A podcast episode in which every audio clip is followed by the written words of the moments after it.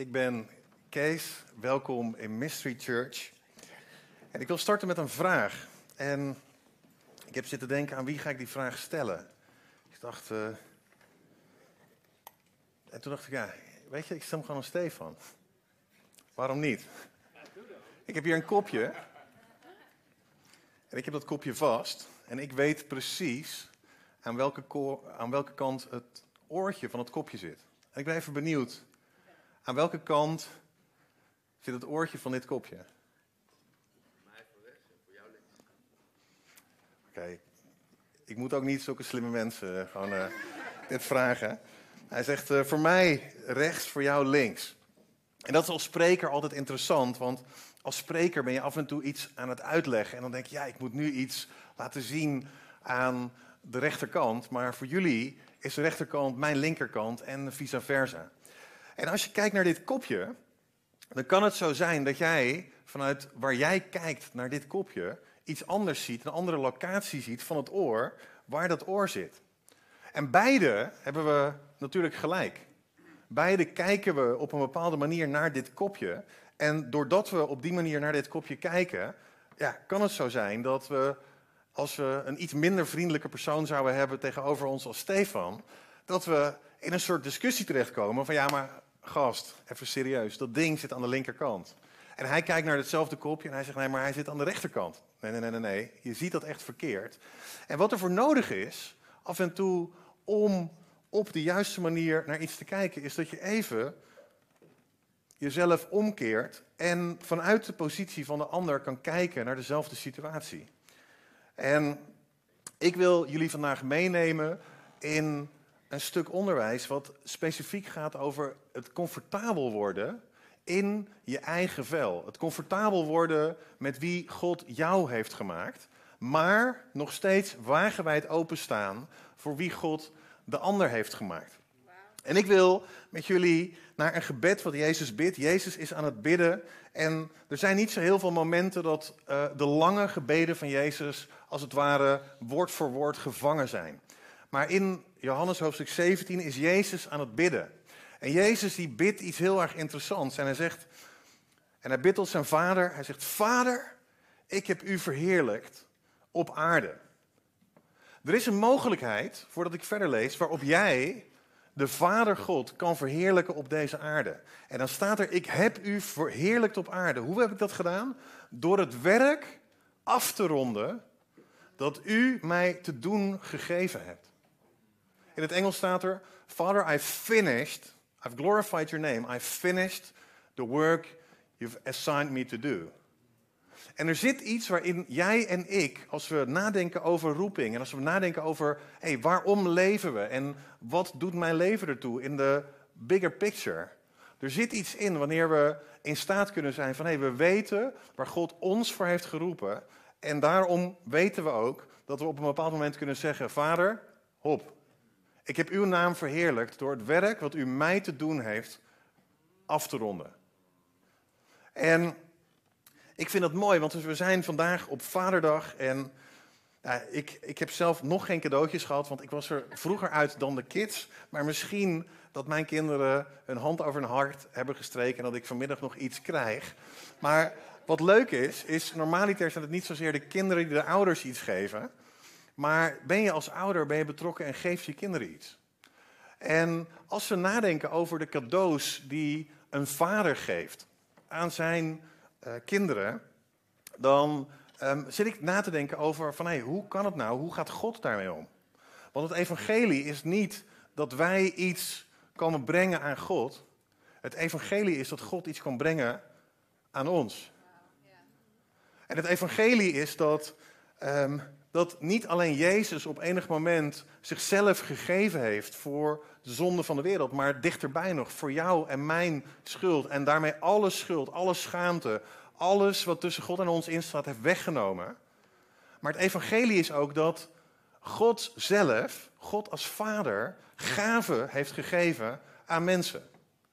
In Romeinen hoofdstuk 12 lees je over de gaven die de vader gegeven heeft aan mensen. In 1 Korinthe 12 lees je over de gaven van de Heilige Geest. Dus de Vader geeft gaven aan mensen, de Geest geeft gaven aan mensen. Nou, in sommige kringen heb je heel veel nadruk op de gaven van de Heilige Geest. En ik geniet van de gaven van de Heilige Geest. En ik denk dat het belangrijk is om daarbij stil te staan.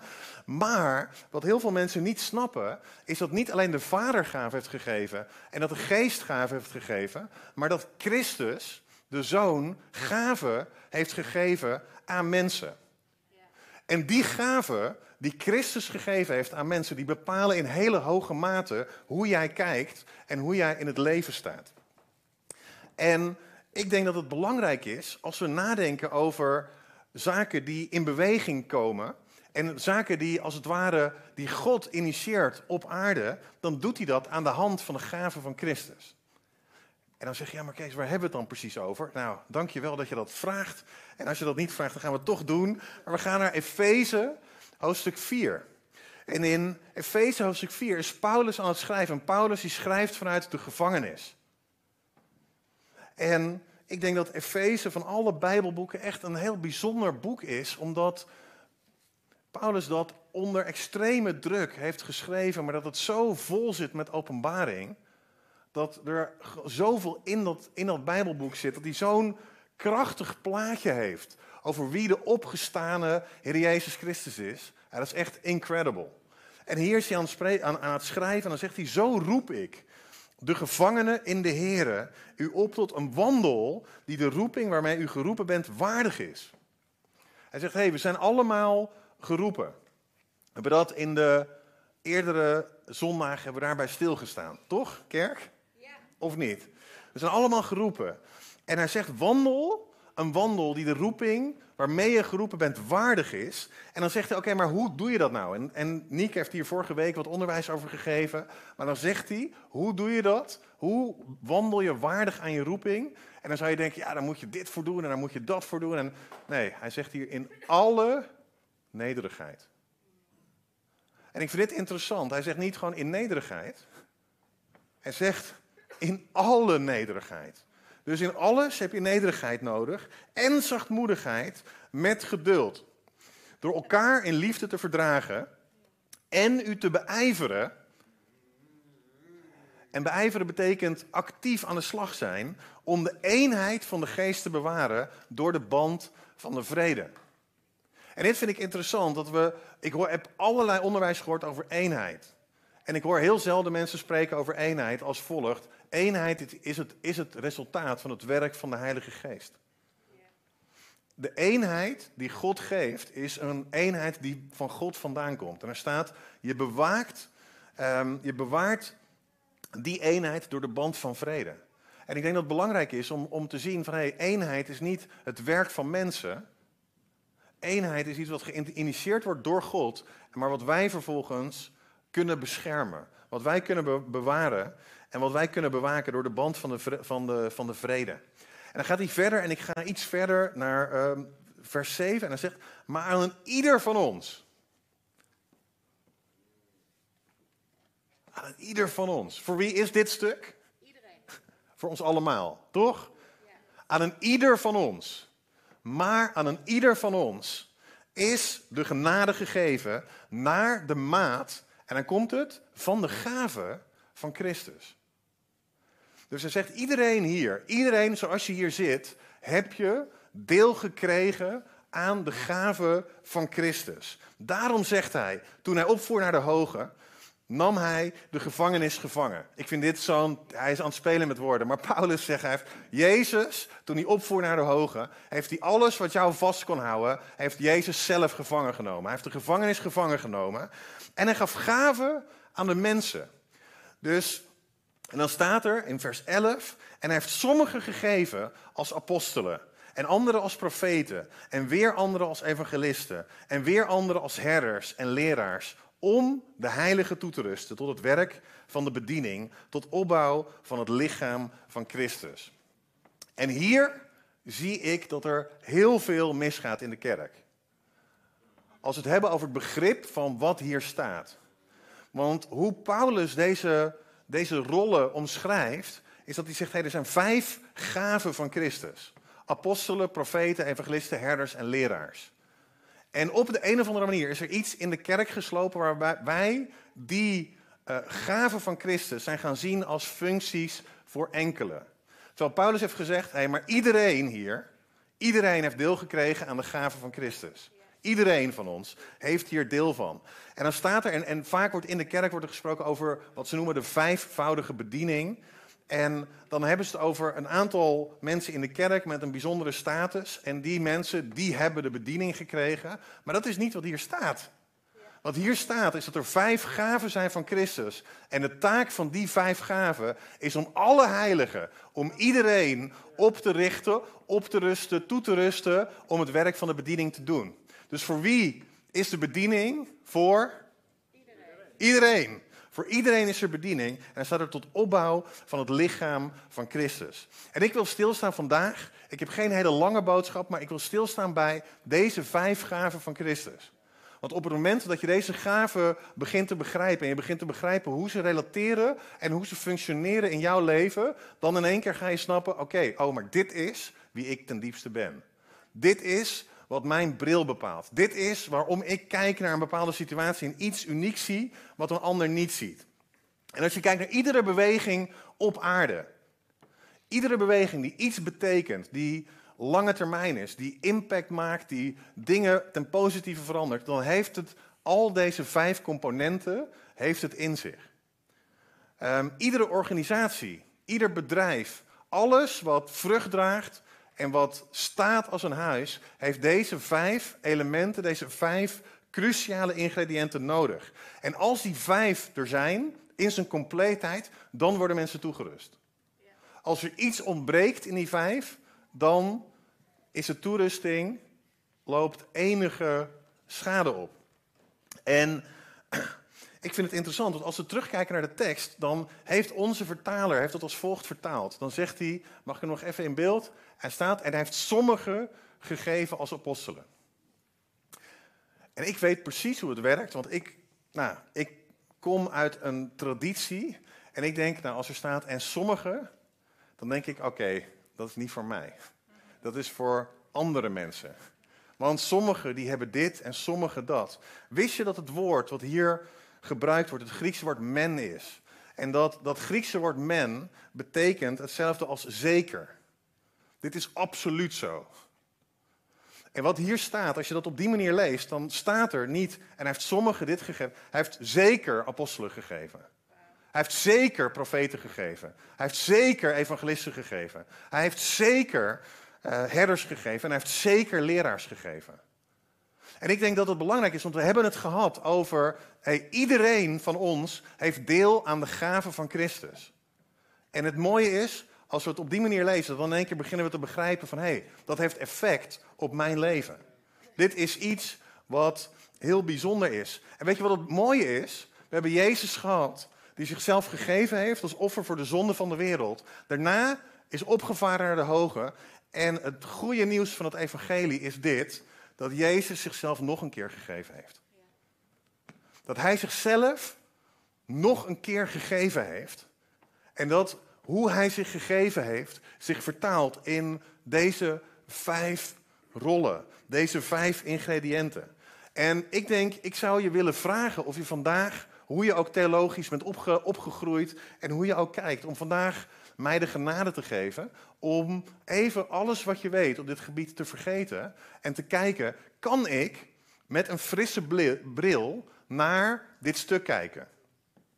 Kan ik dit loszien van, oh, deze speciale persoon en die speciale persoon en die speciale persoon? En kan ik dit zien als iets wat effect heeft op mijn leven, wat functioneert in mijn leven? Sterker nog, als ik me ermee begin te identificeren en ik begin te snappen wat deze vijf functies, wat deze vijf rollen doen in mijn leven, dan begin ik comfortabel te worden in mijn eigen vel. Want ik durf dit te zeggen, dat in ieder van ons minimaal één en misschien wel twee van deze gaven functioneren en actief zijn. En die, je hele leven, als je hier naar kijkt, jouw hele leven bepaalt en kijk je door de lens van de gaven van Christus.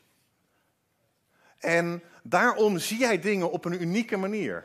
En daarom is jouw stem is belangrijk. En daarom is jouw woorden zijn belangrijk. En daarom is het zo nodig dat jij op die manier, dat jij ehm, vertelt aan andere mensen wat je ziet, omdat jij iets ziet door de ogen van Christus, door de gaven van Christus, zie jij dingen die ik niet zie. Ziet Kelvin dingen die ik niet zie. Ziet niet dingen die ik niet zie. En wat er gebeurt is op het moment dat we samen kijken door de bril van de gaven van Christus in ons leven, dan beginnen we een compleet plaatje te zien. Dan begint er een organisatie op te staan, dan begint er een beweging op te staan die zijn, zijn gelijke niet kent. Ik denk dat het zo belangrijk is dat we snappen dat dit belangrijk is. En ik wil ze even allemaal op een lijstje neerzetten. En weet je wat zo grappig is? Paulus is hier over aan het quoten. En hij schrijft hier, maar hij schrijft ook op andere stukken, is hij over Jezus aan het spreken. En Jezus wordt, is natuurlijk de grote evangelist. Jezus is de leraar. Jezus wordt de apostel genoemd. Jezus is een profeet. En Jezus functioneert dus in alle vijf van deze rollen. Maar weet je wat ik wil dat je weet? Dat Jezus heeft volgers, volgelingen. En op een gegeven moment heeft hij een heleboel volgelingen. En dan gaat hij een berg op om s'avonds, s'nachts te bidden. En dan bidt hij een nacht lang. En dan staat er, dan kiest hij er twaalf uit die volgers, kiest hij er twaalf uit. En dan staat er komma, die hij ook apostelen noemde. En als Jezus het belangrijk vond om naar zijn volgers te kunnen kijken door de bril van een bepaalde rol, dan denk ik dat het belangrijk is dat wij het beginnen te dragen om naar elkaar te kunnen kijken in een bepaalde rol. En dat we kunnen zien van hey, deze mensen, jij draagt iets van de gave van Christus die ik niet heb. En zo kan de grootsheid van onze Jezus kan zichtbaar worden. Niet alleen door mijn leven, of niet alleen door Marlies leven, of door het leven van Jaap alleen. Maar doordat we samen schouder aan schouder gaan staan. En samen iets kunnen laten zien van de kracht en de grootsheid en de veelkleurigheid van wie Christus is. En we hebben, we hebben deze, deze vijf zaken. En ik wil, ik wil dat je weet dat Jezus en Paulus geen termen gebruiken uit de gevestigde religie. Al die termen, die vijf termen, de, de, de, de, de apostel, de profeet, evangelist, herder en leraar, zijn termen die bekend waren in het Rijk, in het Romeinse Rijk, die bekend staat als de tegenstanders van het toenmalige Israël. En de Romeinen die, die waren heel erg bekend met de term apostolos. En die waren heel erg bekend met de term evangelistos. En die waren heel erg bekend met eigenlijk al deze vijf zaken. En wat Paulus hier doet, is dat hij aan het kijken is naar een systeem voor de wereld. En dat hij heel bewust, als het ware, wereldse termen aan het gebruiken is om uit te leggen hoe de gemeente van de levende God hoort te functioneren. En dat doet hij niet door te putten uit religie, maar dat doet hij door te kijken naar de maatschappij en te kijken wat maakt impact in de maatschappij. Wat laat het koninkrijk van God zien in de maatschappij van vandaag. En die termen, die pakt hij en die gaat hij laden. En ik denk, wauw, wat een wijsheid. Wat een wijsheid. En ik zou dit tegen je willen zeggen. Ben jij in staat om even naar deze termen te kijken, die je misschien, als je langer in een kerk komt, je hele religieuze leven al gehoord hebt? En ben je in staat om te kijken door deze dingen niet door, oh, dit zijn deze persoon, bijzondere persoon en deze bijzondere persoon, maar door te kijken, hey, dit zijn als het ware een soort van gebieden die effect hebben op hoe ik in het leven sta. En er is hier iets in de gave van Christus wat in mijn leven stroomt. En wat zijn nu die verschillende gebieden? Wat is het nou? Wat doet het nu? En ik heb eigenlijk een lijstje gemaakt en die op de volgende manier neergezet. Um, en als we dan kijken naar wat is een apostel en wat doet een apostel, of de gave van Christus als apostel, is dat een apostel is een cultuurbouwer, is een organisatiebouwer. Heel veel ondernemers zitten in zo'n soort profiel. Die zijn aan het kijken hoe kunnen we een organisatie structureren. Hoe kunnen we iets bouwen wat krachtig is? Als we kijken naar de profeet, dan wat is een profeet? En een profeet, hij gebruikt hier wederom een term niet alleen die religieus geladen was, maar een term die het Romeinse Rijk kent en herkent. En een profeet is een visionair. Is iemand die verborgen zaken duidelijk maakt. Iemand die inspireert. Iemand die zegt, hey, we gaan deze kant op met z'n allen. Ik zie dit plaatje. Dit is waar we naartoe kunnen bewegen. Een profeet is iemand die dingen rechtzet. En een profeet die kijkt en die, die, die spreekt tot visie. Als we kijken naar de evangelist, wat doet een evangelist? Een evangelist is bezig met te kijken van hey, wat heeft de wereld om ons heen nodig? Ja, leuk wat we hier binnen hebben, maar buiten is een hele grote wereld. En die wereld die heeft, ja, die heeft Jezus nodig, of die heeft ons product nodig. Of, en de term evangelistos betekent letterlijk boodschapper. En het is een term die Paulus hier aan het laden is om te zeggen van hey, er zijn mensen die het nodig hebben om de boodschap naar buiten te krijgen. En als we kijken naar de bril en de lens van de herder, dan is een herder ja, als het ware gegrepen door het welzijn van mensen. Is een herder aan het kijken, zijn, zijn deze, is deze persoon, is die, wordt hiervoor gezorgd? Is deze persoon veilig? Is dit, zeg maar, komt deze persoon op deze plek het meest tot zijn of haar recht? En dan heb je de leraar, en een leraar is bezig met ontwikkeling. Die is aan het kijken, wat hebben mensen nodig om een volgende stap te kunnen zetten? Om in beweging te kunnen zijn, om niet stil te staan, maar om verder te gaan. En wat zo mooi is, is dat als deze vijf in balans zijn met elkaar, dan heb je organisaties die floreren. Als één van deze mist, dus als het ware een soort vijf-eenheid, als één van deze gaven van Christus mist, dan heb je, dan voel je het effect daarvan in, maakt niet uit welke organisatie. En ik spreek nu over kerken, maar ik spreek ook over, over organisaties die iets voor de wereld willen doen, over NGO's. Ik ben aan het spreken over bedrijven. Ik ben aan het spreken over alles wat een beweging is, heeft deze vijf gaven van Christus nodig om goed te kunnen floreren.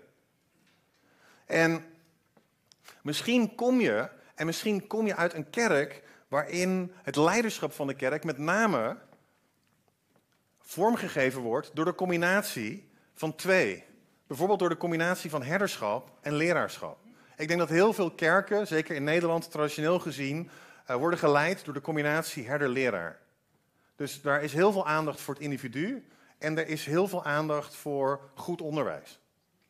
En ik denk dat dat fantastisch is, ik denk dat dat nodig is. Maar ik denk dat als dat het enige is en je mist de, eh, de, de evangelist in het geheel, en je mist de apostel in het, in het geheel, en je mist de visionair in het geheel, dat je een bepaald plaatje van een bepaald deel van de werkelijkheid krijgt. En man, mijn passie is om te zien dat, um, dat, dat, dat we kerken bouwen, dat we organisaties bouwen, dat we dingen oprichten waar alle stromen, waar al laten, we, laten we naar kijken als stromen. Wel, wat stroomt er uit jouw leven? Stroomt daar apostelschap uit? Stroomt daar Weet je wel, de, de, de, de stroom van de profeet uit. Stroomt daar het ontwikkelen van mensen uit. Stroomt daar het bezig zijn met de markt uit. En kijk eens naar je eigen organisatie. Kijk eens naar je eigen uh, uh, plek die je inneemt in de kerk. En kan ik hier iets laten zien van al deze verschillende zaken? En als we even over de kerk nadenken. Misschien kennen we, als een kerk geleid wordt door een evangelist, waar gaat de boodschap over? Over, over redding. Over redding van mensen buiten de kerk. En dat is geweldig en dat is keihard nodig. Mystery heeft meer evangelisten nodig. En, maar als dat het enige is, de enige kleur die je hoort, dan, zijn, dan ben je als gemeente steeds bezig met wat er buiten gebeurt. Vaak terwijl je nalaat naar binnen te kijken. Als je alleen herders hebt, dan heb je mensen die het heel veilig hebben met elkaar en die zich heel erg gekend voelen. Maar dat wordt ook een beetje kleffe bende, want uh, die, die, ja, dat begint samen te klonteren en er komt geen nieuw leven komt erin en uh, de boel vergrijst en uh, gaat uiteindelijk, zeg maar, gewoon van binnenuit sterft.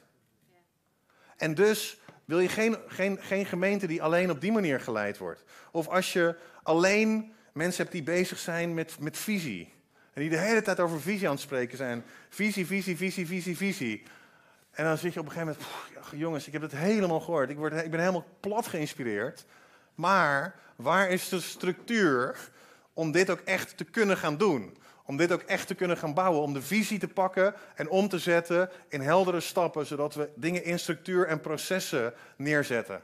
Ja, je hebt ook gemeentes die helemaal gegrepen zijn door processen. En waar alles fantastisch eh, geregeld is. En dat je denkt, ah, die processen die vind ik gewoon bijna beklemmend worden. Oei, oei, waar is de vrijheid in dit geheel?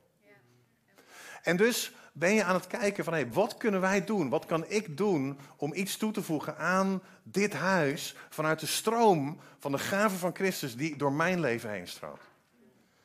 En, en daarom geloof ik in gemeentes met meervoudig leiderschap. Waarin het niet alleen gaat en waarin we niet alleen kijken van hebben we diverse mensen, maar hebben we een divers team die de verschillende gaven van Christus op de juiste manier vertegenwoordigt. Zodat Christus in zijn grootsheid en in zijn veelkleurigheid gezien kan worden. En waarin je een totaal meningsverschil kan hebben met elkaar. Waarin je naar hetzelfde kopje kijkt en het nodig hebt om de ander uit te nodigen. En te zeggen, hé, hey, ik wil dingen van jouw perspectief, door jouw bril heen zien.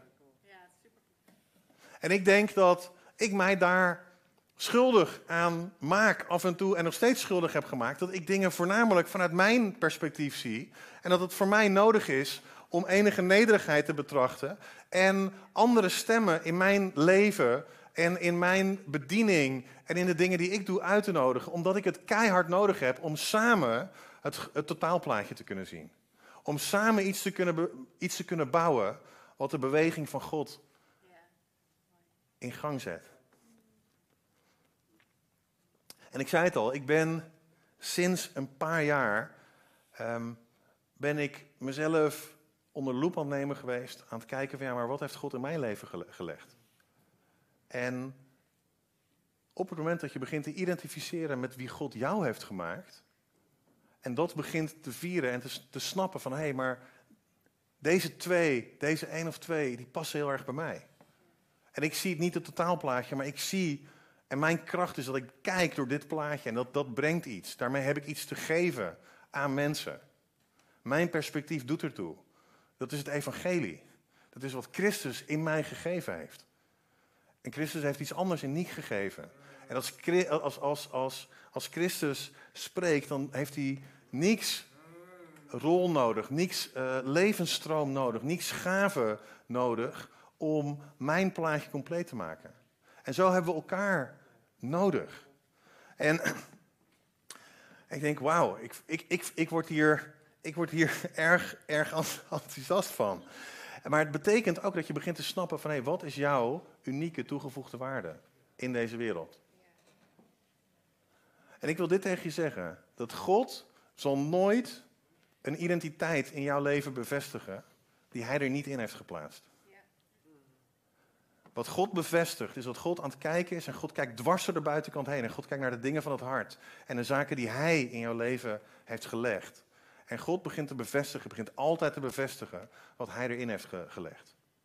En als we ons beginnen te identificeren met de gaven die God de Vader, die de Heilige Geest en die de Zoon in ons leven hebben gereleased, wauw, dan gaan we iets interessants zien. Dan gaan we beweging van God zien. Ik wil hiermee eindigen. Efeze 4, vers 16, die sluit deze hele lijst met gedachten af. En ik dacht, wauw, ik vind dit heel krachtig wat Paulus hier schrijft. Hij schrijft het volgende. Van hem uit wordt het hele lichaam samengevoegd en bijeengehouden door elke band die ondersteuning geeft. Dus hij zegt, hey, de gemeente wordt samengevoegd en bijeengehouden. En God heeft banden klaar liggen die dingen samenbinden. Die dingen samenhouden. En er staat hier, hij zegt, door elke band die ondersteuning geeft, en dan staat er, overeenkomstig de mate waarin ieder deel werkzaam is.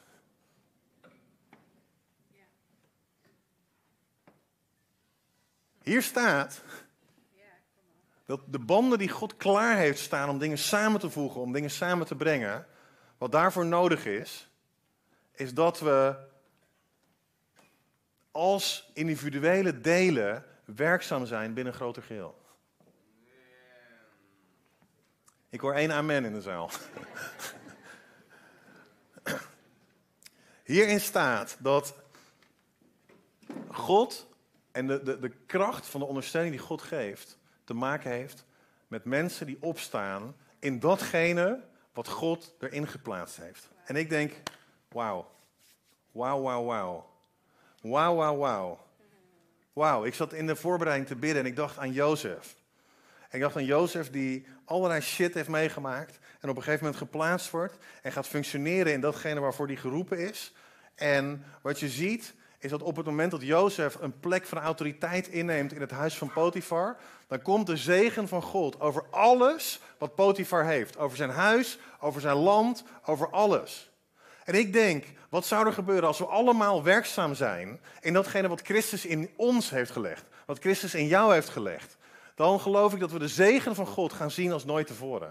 Dan gaan we de zegen van God zien bewegen. Dan gaan we snappen van hé, hey, er zijn verschillen. En die verschillen zijn nodig om samen een totaalplaatje te kunnen zien. En hé, hey, God geeft iets bijzonders in dit, in dit hele proces. En wil je dat de kerk groeit? Word werkzaam in de gave van Christus in jouw leven. Wil je dat jouw organisatie groeit? Word werkzaam. Sta op.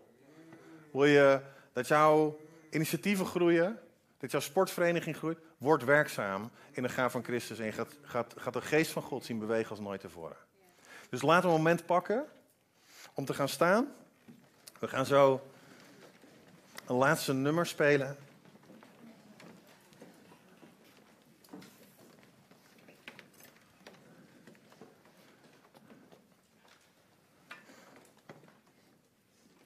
Maar laten we mensen zijn die ons vereenzelvigen met datgene wat God erin heeft gelegd. En laten we mensen zijn die elkaar kunnen vieren, die de verschillen van elkaars perspectief kunnen vieren, omdat we zien van maar dit is het evangelie, dit is wat God erin heeft gelegd. Dit is speciaal, dit is bijzonder. Misschien wil je handen openen. Ik wil voor ons allemaal bidden. Jezus, dank u wel dat u zichzelf, Heer, twee keer gegeven heeft. Eén keer als volmaakt lam van God, als offer voor de zonde van deze wereld. Heer, en dat u daarna bent gestorven, bent opgestaan, u bent naar de hoge gegaan. En u heeft gaven gegeven. U bent voor de tweede keer gekomen, u heeft zichzelf gegeven aan mensen. Heer, en ik dank u, Heer, voor, ieder, voor iedere stroom van het apostolische, Heer, in dit huis, in levens van mensen. Ik dank u voor de profetische stroom in dit huis. Ik dank u voor de evangelistische stroom in dit huis. Ik dank u voor de herderlijke stroom in dit huis. Ik dank u voor de ontwikkelstroom in dit huis. En ik dank u dat u mensen aanraakt. Heer, dat het het evangelie is.